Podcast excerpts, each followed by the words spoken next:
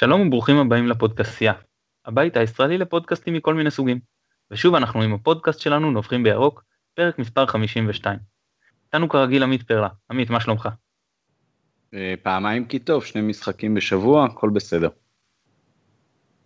אה, אנחנו תמיד מזכירים לכם את אה, שלום סיונוב שנותן לנו תמיכה טכנית מאחורי הקלעים, אז הפעם הוא גם היה במשחק ופגשנו אותו מחוץ לאיצטדיון, אז שלום היום יקליט איתנו. שלום, מה נשמע? אצלי הכל מעולה.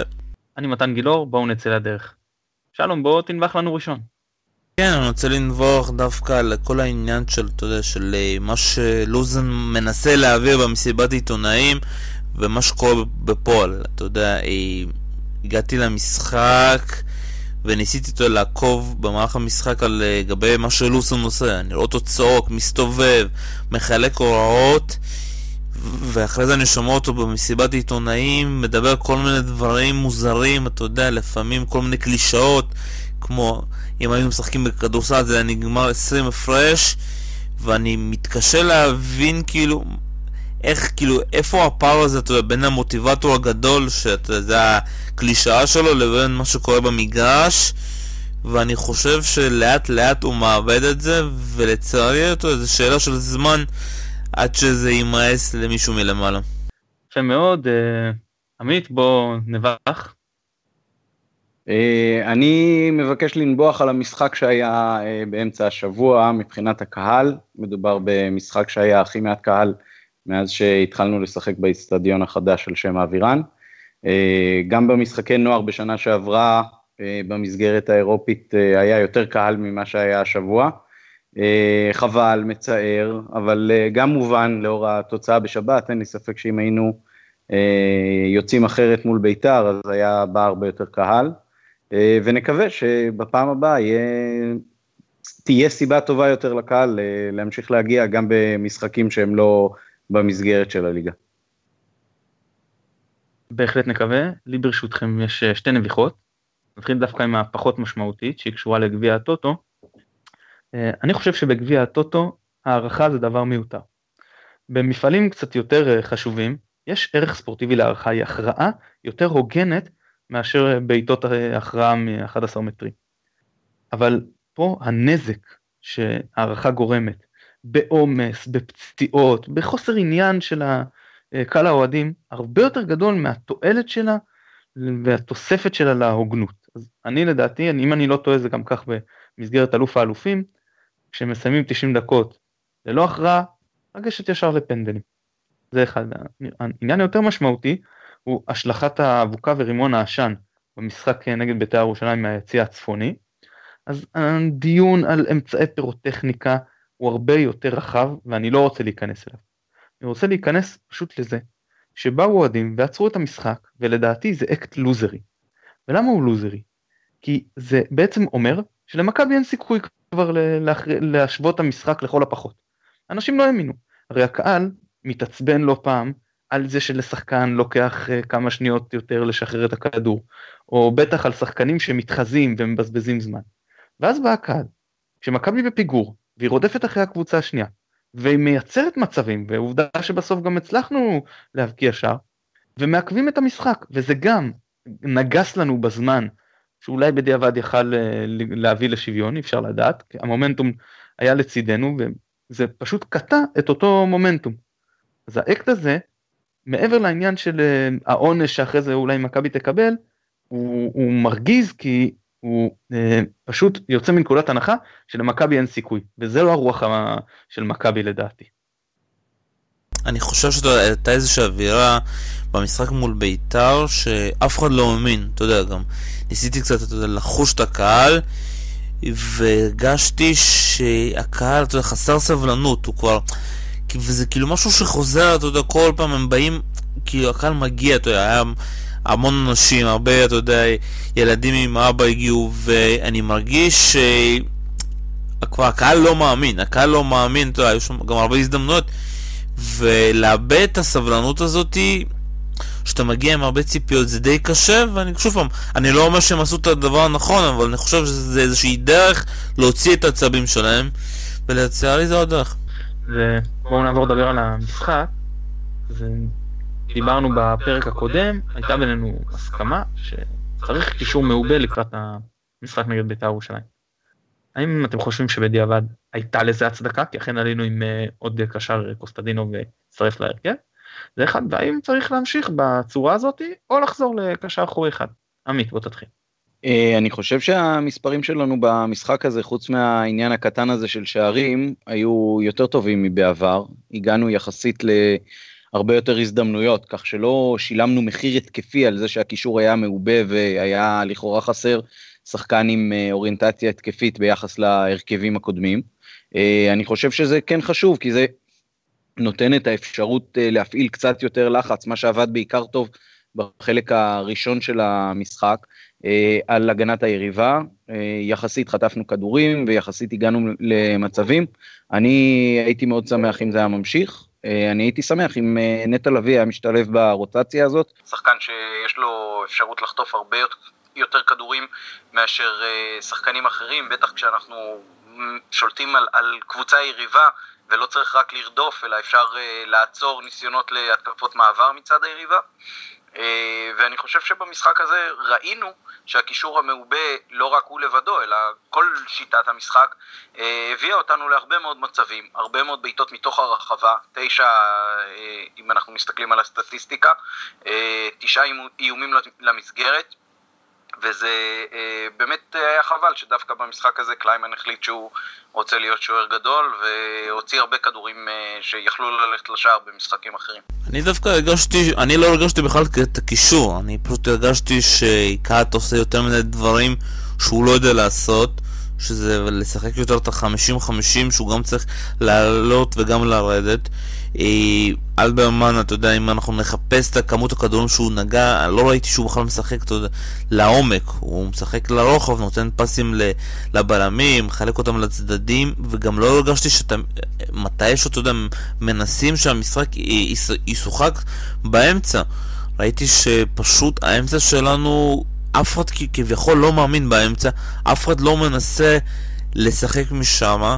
ואתה יודע, אם אפילו נבדוק כמה פעולות קוסטנדינוב עשה, קשה, אתה יודע, לספור, וזה די מוזר שקבוצה כמו מכבי חיפה, ונכון, אין לנו קשרים, אין לנו את שלומי אזולאי, לא מצליחים למצוא את הקשר הנכון לתפקיד הזה של ה-50-50, אני מדבר על התפקיד של הבולגרי, כי הוא לא שמה. הוא לא שמה, ואני מרגיש שלוזון בכוח מנסה להכניס אותו למשחקים, גם אם זה יפגע לו בניצחונות, כי הוא רוצה להוכיח לכולם שהרכש שהוא הביא הוא רכש מעולה. ואני חושב שבגלל המצב של מכבי חיפה, שמתישהו כבר הסבלנות הזאת חייבת להיגמר. והשאלה מתי זה יקרה. טוב, אני אגע קודם כל בכמה דברים שנגעתם. אז אה, אחד, לגבי הלחץ שעמית דיבר, אז אה, התחלנו דווקא נסוג, שכשרוקאביץ היה כחלוץ, ויש בזה היגיון, רוצים על המהירות של אה, רוקאביץ על סולליך, כמו שהוצאנו אגב חלק מהאדומים, ואחרי שרוקאביצה הוחלף בקלאוס, אז באמת התחלנו ללחוץ גבוה ולהחזיק יותר בכדור, ופה אני רוצה להגיד, זה נקודה לזכות לוזון, שהוא באמת לא התעקש, ראה שיש שינוי באופי השחקן המטרה, ושינה את הצורה שמכבי משחקת, זה צריך לומר לזכותו. אה, עכשיו לגבי הקישור עצמו, אני קודם כל אני הייתי מאוד מרוצה מקאט במשחקים האחרונים, רואים שהוא חוזר, רואים שהוא יותר מרוצה, יש פה את העניין גם של חדר הלבשה שאנחנו יודעים שהיה קצת, הוא ועטרי הוא קצת צ'ילבוט, אז זה נראה יותר טוב. אה, משחק בנגיעה, זה נכון שחסר לו שחקנים שישחקו איתו באותו סגנון, ובליגה דריבל זה קצת פוגע לו באיכויות, אבל הוא היה בסדר גמור. אה, קוסטדינוב, אז קוסטדינוב יש בעיה שם בהתקפה, הוא גם לא עשה את כמעט הכניסות לעומק שהוא כאילו אמור, עושה בנבחרת אה, בולגריה ושהוא אמור לעשות במכבי. מה שכן, אלברמן בעוד משחק חלש הגנתית וקוסטדינוב במידה מסוימת חיפה עליו. נכון שהיה לנו בעיה, היינו עוד עדיין טיפה רכים באמצע, שזה אגב מעביר אותי לשאלה השנייה של האם להמשיך, אז בטח להמשיך עם שני קשרים אחוריים, ואפילו אני אגיד שלקראת קריית שמונה, הייתי עובר אפילו לשלושה קשרים אחוריים, אחד כי אנחנו עם סגל פצוע, ושתיים כי כולם עייפים, מה, או חלק עייפים מה-120 דקות, ואני רואה יתרון בקצת להרוג את המשחק פה ולקחת את הסיכונים בשלב יותר מאוחר של המשחק. אבל אז כן, זה, זה, זה, זה, זה עבד בדיעבד, אני חושב שזה מאוד הצדיק את עצמו, למרות שהפסדנו, והייתי ממשיך עם זה. עכשיו בואו נעבור לדבר שאולי השחקן שהכי מעורר מחלוקת במכבי זה גילי ורמוט. אז בשני המשחקים האחרונים, גילי נכנס כמחליף, לדעתי היה טוב מאוד, אני לא חושב שמישהו יגיד אחרת, בטוח שהוא יצר מצבי אבקה טובים לחברים. אם ראינו את גילי טוב כמחליף, האם זה אומר שהוא עכשיו צריך לחזור להרכב? עמית. אני בעד. אני חושב שאין לנו שחקן שנותן את מה שגילי נותן על הדשא. אה, גם הניסיונות שקאיו יהיה השחקן הזה, או מישהו אחר, אה, לא מוכיחים את עצמם. אה, ואלא אם כן אנחנו רוצים לחכות לסוף משחק ואז אה, פתאום אה, להפוך להיות יצירתיים, מה שאני חושב שלפחות ברוב המשחקים אנחנו לא רוצים להיות כאלה, אלא אנחנו רוצים לעלות ולהיות דומיננטיים ולתת את הגול המוקדם ולהיות עם משחק הרבה יותר שוטף והרבה יותר מהנה, אז אני חושב שגילי הכרחי. ובכל משחק לפי ההתפתחויות קובעים אם הוא משחק 45 דקות או 60 דקות או קצת יותר. גם לפי הכושר הנוכחי שלו באותו משחק וגם לפי איך שהמשחק מתפתח. אה, אני לא חושב שיש לנו תחליף לגילי, זה נורא עצוב.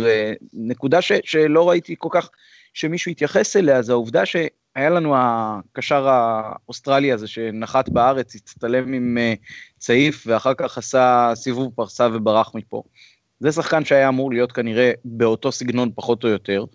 אה, לא הביאו לו מחליף, זאת אומרת, הגיע שלומי אזולאי ממש ממש ממש בסוף אה, חלון העברות, אני לא חושב שזה משהו שממש בנו עליו כאיזשהו רכש ברזל אה, מתחילת הפגרה הזאת או מאמצעה.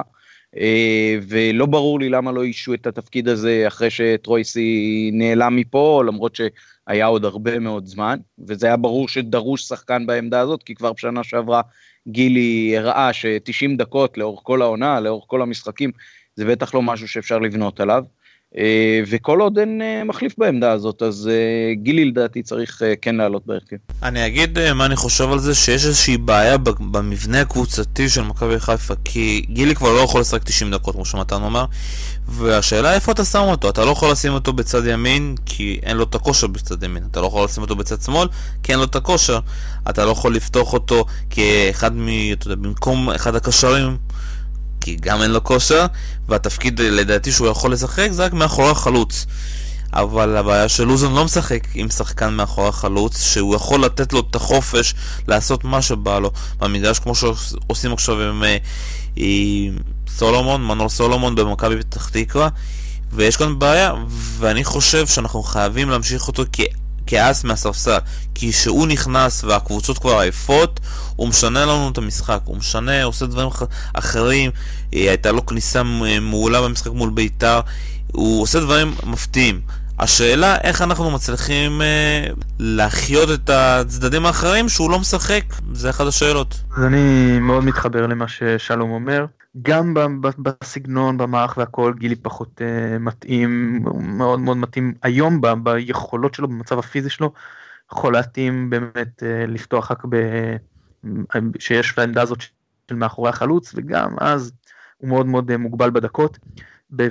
כשההגנה עדיין עם כוח, לא עייפה, אז הוא פחות אפקטיבי, uh, הוא לא מסייע בהגנה, שזה, ראינו את זה נגד עכו. Uh, דקה 60, קצב גביע הטוטו, מול הקבוצה כנראה הכי חלשה בליגה.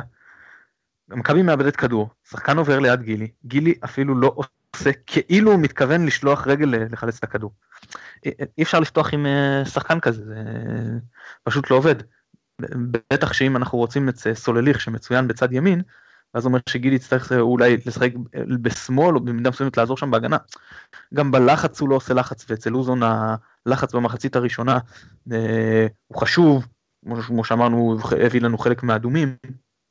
אז אה, אני מסתכל על זה, הזכירו את הדוגמה הזאת של שלום תקווה בהפועל תל אביב, דיברנו על זה אז בחלק מהאוהדים של מכבי על יניב קטן ועל יוסי בניון. עכשיו נגיד את זה אצל גילי ורמוט, זה ממש עובד. גילי עולה לחצי שעה האחרונה, 40 דקות חצי שעה האחרונה, והוא ממש משנה את המשחק, הוא ממש טוב. אה, כי ההגנה עייפה, אה, כי יש יותר שטחים, כי הוא יודע שהוא יכול לתת מעצמו עד הסוף, שאין איזה סכנה שיגמר לו פתאום הכוח. זאת אומרת אין פה איזה מתי המאמן יחליף אותי או לא יודע מה, הוא יודע, שריקת סיום תגיע, יהיו כמה דקות תוספת זמן וזהו. וכשיש לנו כזה Game Changer מהספסל, עם כל הבעיות שיש במצב שהוא פותח בהרכב, לא הייתי נוגע בזה והייתי ממשיך איתו מהעמדה הזאת, ואני מאוד מאוד מקווה שלוורמוט תהיה את הבגרות שהייתה לשלום תקווה בזמנו בהפועל תל אביב, לחבק את המעמד הזה, להבין שהוא שחקן מרכזי, יכול להיות יותר מהספסל מאשר מההרכב. זה משמעותי מבחינתי. אה, שלום. יש לנו הבדל גדול בין האגפים. באגף ימין יש לנו את אה, סולליך ומבוקה, בסך הכל אה, בסדר גמור מתחילת העונה. באגף שמאל שיחקו במשחקים האחרונים קאיו ובן ארוש, או סליחה, לפני זה רז מאיר, משחק אחרון בן ארוש, וההבדלים מאוד משמעותיים. מה, יש משהו לעשות? לשפר את ההפרשים האלה בטווח המיידי, לשפר את אגף שמאל? לדעתי בינתיים אנחנו לא יכולים לעשות כלום, כי אנחנו לא יכולים להביא איזשהו שחקן, אבל אני חושב שלוזון פה חייב להחליט איזה קבוצה הוא רוצה לראות. אה, אם מישהו שם לב איך שקאיו יצא, לא היה לנו צד שמאל, היה שם רק את בן ארוש. קאט ניסה קצת להיכנס, אבל uh, כמו שאני מכיר את קאט, הוא תמיד רוצה לעשות את כל התפקידים, ולצערי אין לו את הכוח הזה, הוא קצת היה בשמאל, ורמוט היה קצת הולך לשמאל ונכנס, לא היה לנו שום שחקן, והכי הצחיק אותי שבן ארוש תמיד עלה אה, למעלה, והוא קיבל כדורים חופשיים, והוא לא הצליח להרים.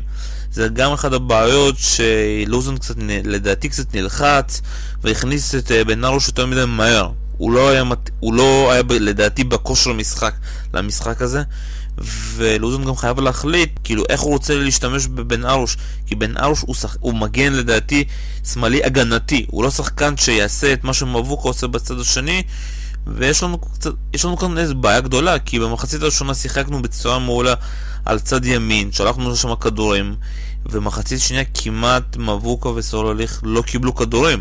אפילו הבישול הגיע מצד ימין.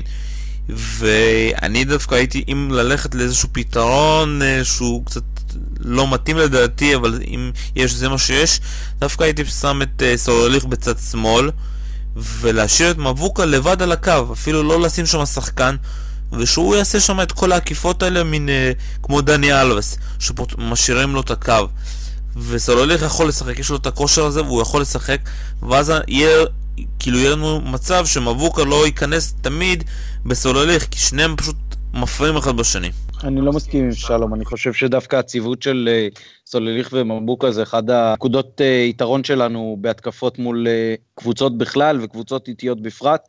המהירות המשותפת שלהם שם, הם כבר פיתחו סוג של שפה משותפת אפילו על הקו, ואנחנו רואים הרבה מאוד הכנסות כדורים של שניהם. אני במה שטוב לא הייתי נוגע. ומה שעובד פחות טוב, אז או שקאיו ירד לספסל חזרה וישחק שם מישהו אחר באגף, או שיהיה איזשהו חוסר איזון גם, אבל אה, יהיה מישהו קצת יותר מהיר שיכול להצטרף לבן ארוש, או, או לשלוח לו שם כדורים כשהוא עושה עקיפה, לא הייתי מעביר את סולליך לשם. עמית, שאלה לי לך, מה... כמה זמן אתה עוד נותן לקאיו? כי קאיו בינתיים לא רץ, הוא מחליט ללכת ולעשות טובה כשהוא משחק. השאלה, אתה יודע, כמה זמן אנחנו יכולים כאילו לתת לו לשחק כאילו שהוא יוכיח את כל הסכום ששילמו עליו. בינתיים אין ספק שהוא לא מוכיח את עצמו, הוא לא מספק את זה לא במספרים חוץ ממשחקי גביע הטוטו נגד עכו שזה כבר לא יהיה יותר השנה. הוא לא בועט מספיק לשער, הוא לא עושה מספיק תנועה כמו שזה נראה, הוא לא עושה הגנה, הוא מאבד הרבה כדורים בניסיונות uh, דריבל. רואים שיש לו כדורגל, רואים שהבחור כישרוני, אבל uh, אם הוא לא רץ ואם הוא לא משקיע, אז זה מאוד מאוד בעייתי.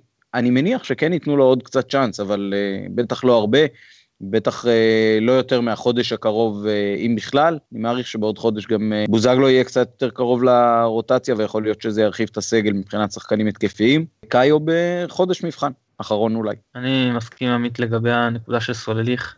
במצב של מכבי הנוכחי קשה מאוד להצליח.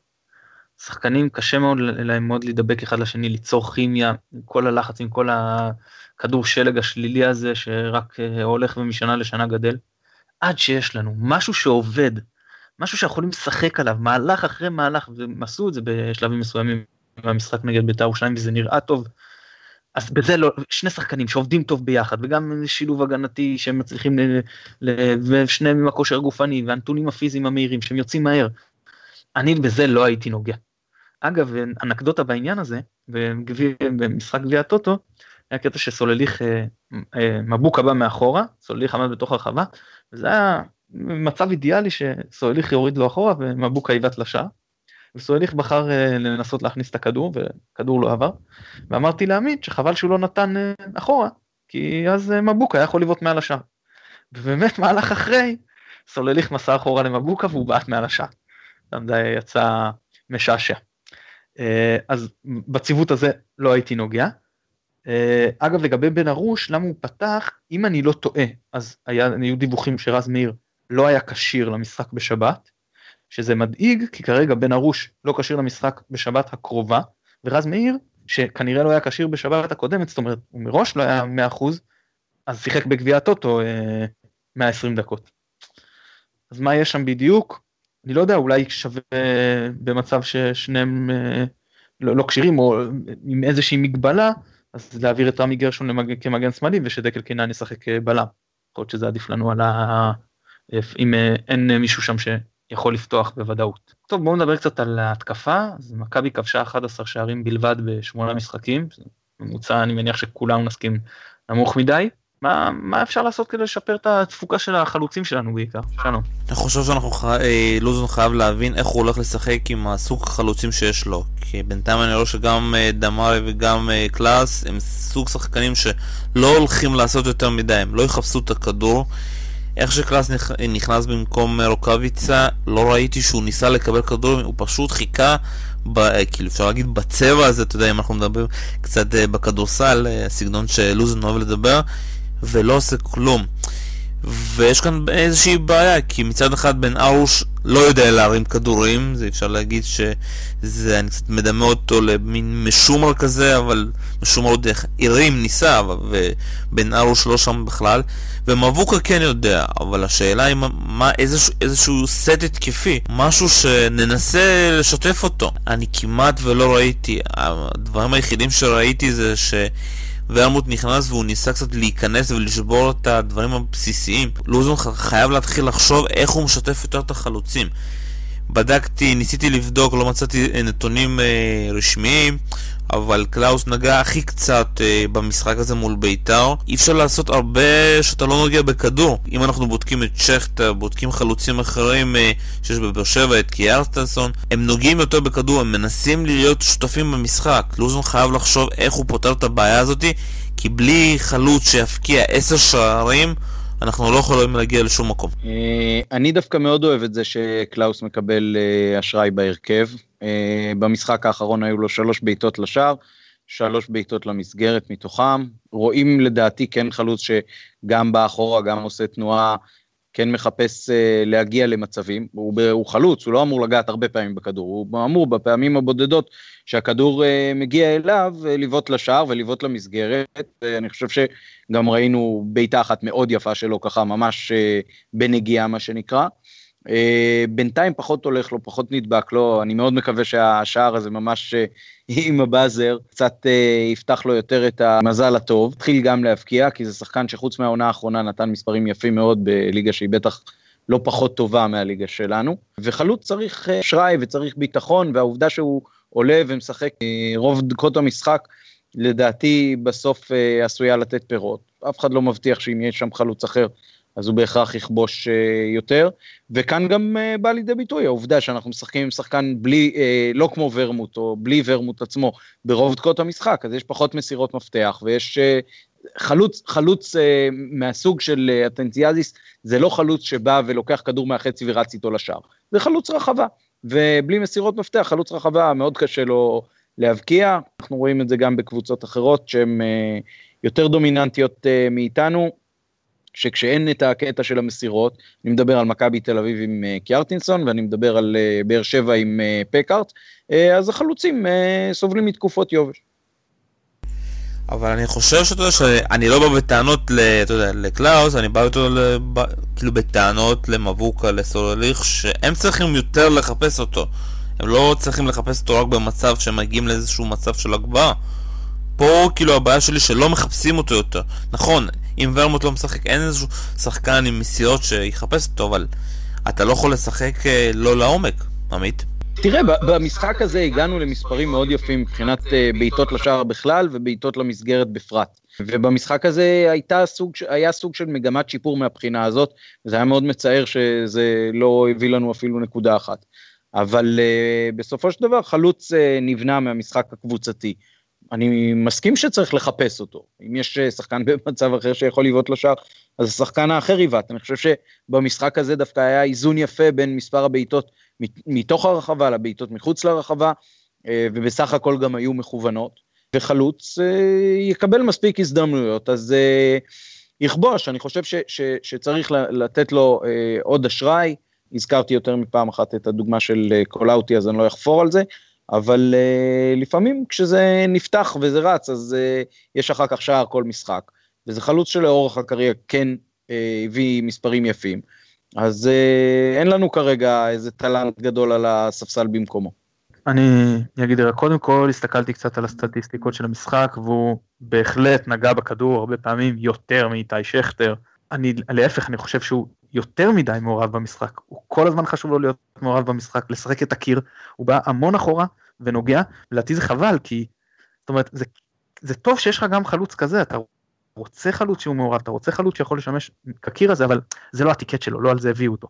להפך, הייתי דווקא שמח לראות אותו קצת יותר הולך לנסות למצוא שטחים בעורף ההגנה, או להיות במקום שהוא מסיים, וקצת פחות לבוא אחורה ולהשתתף במשחק. זאת אומרת, מבחינת אני חושב הפוך. בניגוד למשחקים הקודמים, אני חושב שהפעם יותר חיפשו אותו, הפעם גם מצאו אותו, היו, הייתה לו גם איזו החמצה אחת אה, די נוראית. אה, אז אני חושב שלומדים אותו והוא לומד את הקבוצה, זה נראה קצת יותר טוב מהבחינה הספציפית שלו. ונכון, בסופו של דבר צריך מספרים. הוא התחיל במשחק האחרון, ונקווה שזה יימשך, והוא באמת, כי כמו שלום אמר, אם לא יהיה לנו חלוץ של דו ספרתי, אז אפילו על מאבק על אירופה יהיה קשה לנו מאוד להיות בעניינים. Uh, בואו נדבר קצת על פציעות, אז uh, לאחרונה כל משחק נפצע לנו שחקן, ממש כל משחק. זה האם לדעתכם מה זה כושר גופני לקוי? זה סתם זה יד המקרה? זאת קורה שנפצעים שחקנים ונפל לנו איזה מכה מזל רע או אולי חלוקת עומסים לא נכונה? עמית מה נראה לך. קודם אני אחבר את זה למה שסיימנו לדבר עליו על אה, קלאוס. אני חושב שדווקא העובדה שיש לנו באמת אה, הרבה פציעות ובעיות בהרכב שמשתנה משבת לשבת מחייבת את זה שאיפה שאפשר לשמור על יציבות ואין איזה חלופה יוצאת דופן על הספסל, אז שווה לשמור על זה. אז גם מהבחינה הזאת הייתי ממשיך לתת אה, לקלאוס את המקום שלו בחוד. מבחינת הפציעות, אה, תראה, אני לא פיזיולוג, וקשה מאוד לנתח כל אחת מהפציעות. רוקאביצה ראינו בשנה שעברה כבר שהוא קצת מועד גם בעניין הזה. אפשר להניח שחלק מהם נובע מתיחות לא נכונות, מעבודה לא נכונה, חלק פשוט ממזל רע, ונקווה שזה ייעצר פה, אין פה איזה תשובת אה, בית ספר טובה מדי לעניין הזה.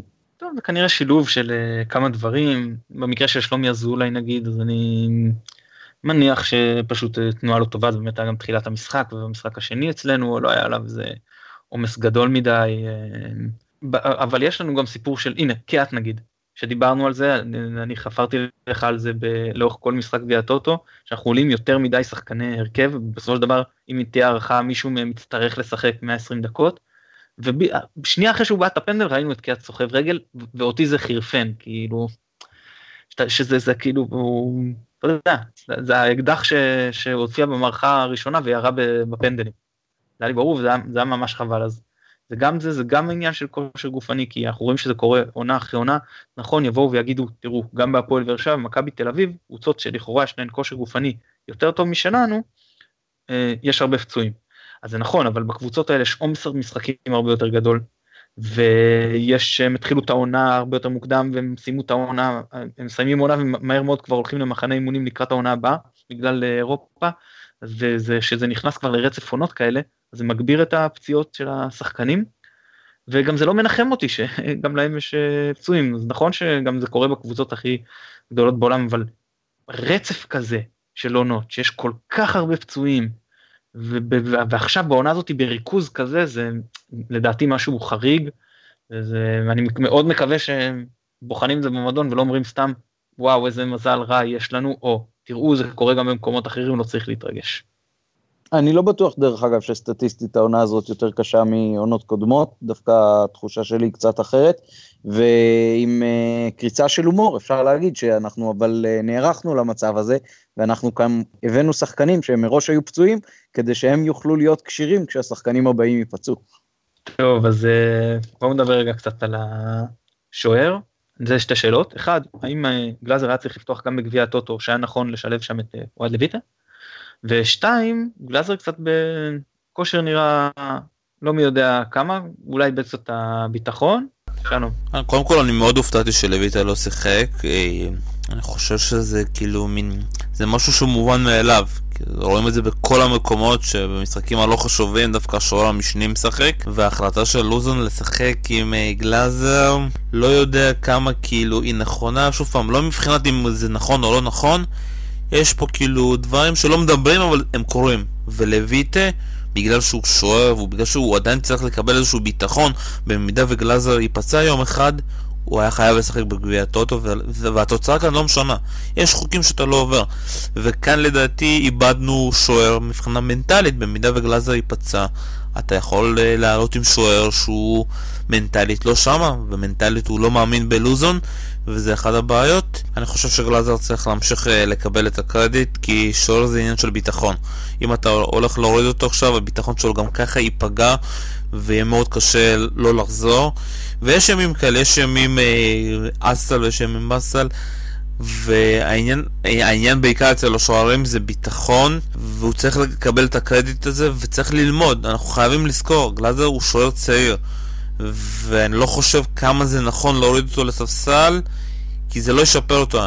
כל הדברים שישפרו אותו זה רק אם הוא ימשיך לשחק ויתמודד עם כל הבעיות יתמודד עם כל הכושר הרע שלו. מסכים היה מקום לתת ללויטה לשחק גם כי אתה מריץ אותו למקרה שגלאזר כמו שאמרת ייפצע ואם לא אז זה יהיה יש לו רק איזה משחק אחד בגביע הטוטו אם אני לא טועה משחק הראשון אה, שהיה לנו מול עכו באוגוסט או משהו כזה באמת זאת הזדמנות לתת לו דקות בדיוק בגלל זה הייתי שמח שבכלל הפלנו לרבע גמר גביע הטוטו שכדי לתת לשחקנים מחליפים דקות. אה, שתיים אני חושב שלגלאזר אה, מעבר למנוחה הפיזית הוא היה צריך גם מנוחה מנטלית. אחרי יום שבת אז היה בין שבוע מנוחה גם בפן המנטלי זה יכול לעשות לו טוב וחבל כי דווקא המשחק הזה היה נראה שהוא איבד שם איזה שני אה, כדורי גובה וספג עוד שני שערים וזה יפגע לו קצת בביטחון בעיקר לשוער צעיר וזה חבל. אז אני חושב שאולי אולי הפנדל בסוף יכול קצת להעלות לו את הביטחון אבל אני חושב שהנזק פה עלה על התועלת. אמ, אבל כמו שאמרת הוא שוער צעיר וכמו שאני אמרתי ואני אגיד את זה שוב הטווח עונות הגרוע זה בדיוק המקום שיש לנו מרווח טעות לתת לשחקנים צעירים כדי שנחזור לתקופה ההישגית נוכל להרוויח אותם. אז גלאזר עוד לא, זה לא שהוא נוראי או משהו כזה, עוד שהוא תקופה טיפונת פחות טובה, עדיין הייתי ממשיך איתו, נותן לו את ההזדמנות גם ביום שבת בקריית שמונה. טוב חברים בואו נעבור ל... כן כן.